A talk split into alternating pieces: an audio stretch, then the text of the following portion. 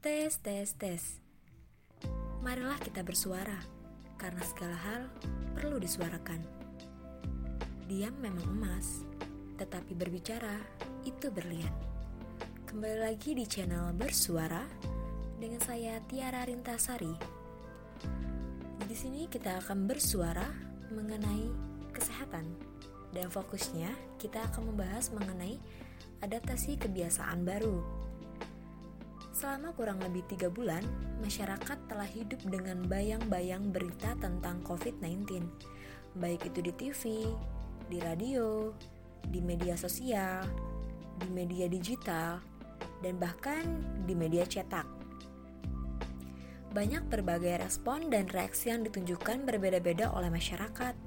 Ada yang sedih, cemas, takut, khawatir, marah, tapi ada juga yang tenang, tidak menganggap penting, tetap percaya diri, seolah ah saya nggak akan kena virus corona kok. Masih banyak sekali masyarakat yang berpikiran seperti itu, dan tentunya kita harus menghindari hal tersebut.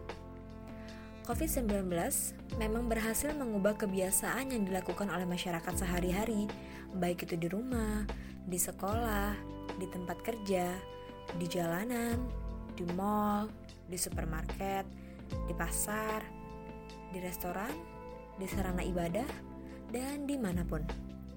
Kita dibuat seakan tidak berdaya, karena tentunya gerak langkah kita jadi terbatas dengan adanya COVID-19 atau virus corona ini sehingga membuat kita tidak produktif, yang tentunya berdampak pada masalah ekonomi keluarga, masyarakat, daerah, dan bahkan tentunya negara.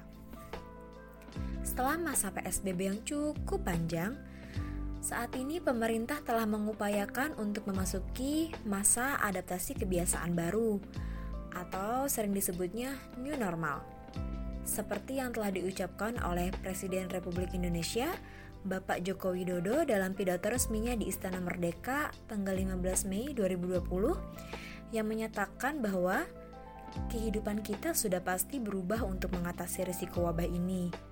Itu keniscayaan. Itulah yang oleh banyak orang disebut sebagai new normal atau tatanan kehidupan baru. New normal itu apa sih? New normal atau kehidupan baru adalah suatu tindakan atau perilaku yang dilakukan oleh masyarakat dan semua institusi yang ada di wilayah untuk melakukan pola harian atau pola kerja atau pola hidup yang baru yang tentunya berbeda dengan sebelumnya. Bila hal ini tidak dilakukan, akan terjadi resiko penularan COVID-19. Tujuannya apa sih? Tentunya tujuan dari new normal ini adalah agar masyarakat tetap produktif dan juga aman dari COVID-19 di masa pandemi ini. Mungkin banyak sekali saat ini pemikiran kita dipenuhi dengan apa sih COVID-19 ini? Apa kita bakal dengan pembatasan?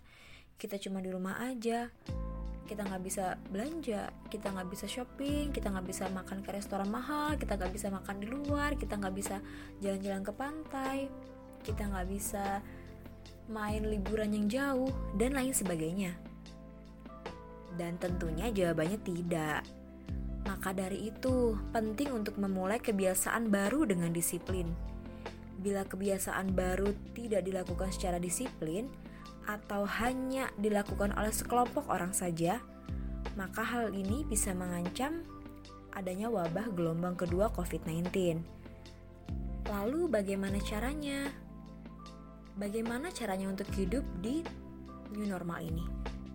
Nah, pemerintah telah menganjurkan untuk seluruh masyarakat mampu mengadaptasi atau menyesuaikan kebiasaan baru di mana pun berada mau itu di rumah atau di luar rumah seperti di kantor, sekolah, tempat ibadah, terminal, pasar, mall, dan lain sebagainya.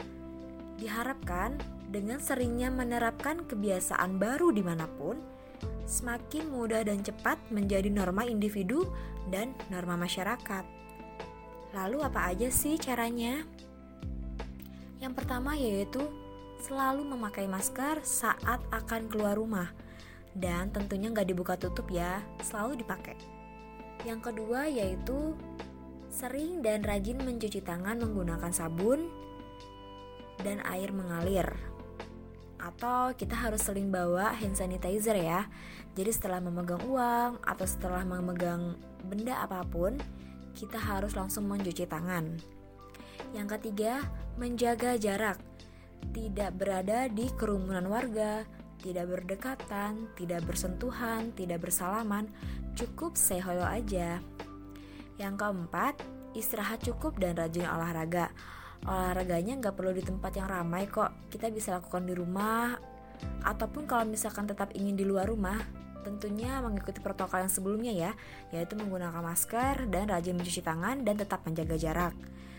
Dan yang kelima yaitu mengkonsumsi makanan yang bergizi seimbang. Jadi makanan yang bergizi seimbang ini gak perlu kok kita harus pergi keluar rumah untuk makan di restoran. Kita bisa menyediakan makanan bergizi seimbang di rumah. Dan buat yang lagi sakit atau lagi flu, lagi demam, diharapkan tidak keluar rumah ya. Cukup keluar rumah jika perlu ke fasilitas kesehatan saja. Yes, inilah pesan kunci yang perlu dilakukan secara disiplin, baik secara individu maupun kolektif atau kelompok, agar tujuan yang dimaksud dapat tercapai, yaitu masyarakat tetap produktif dan juga tetap aman dari COVID-19 di masa pandemi ini. So, saatnya menjadi pejuang produktif AKB. Salam sehat, salam preventif.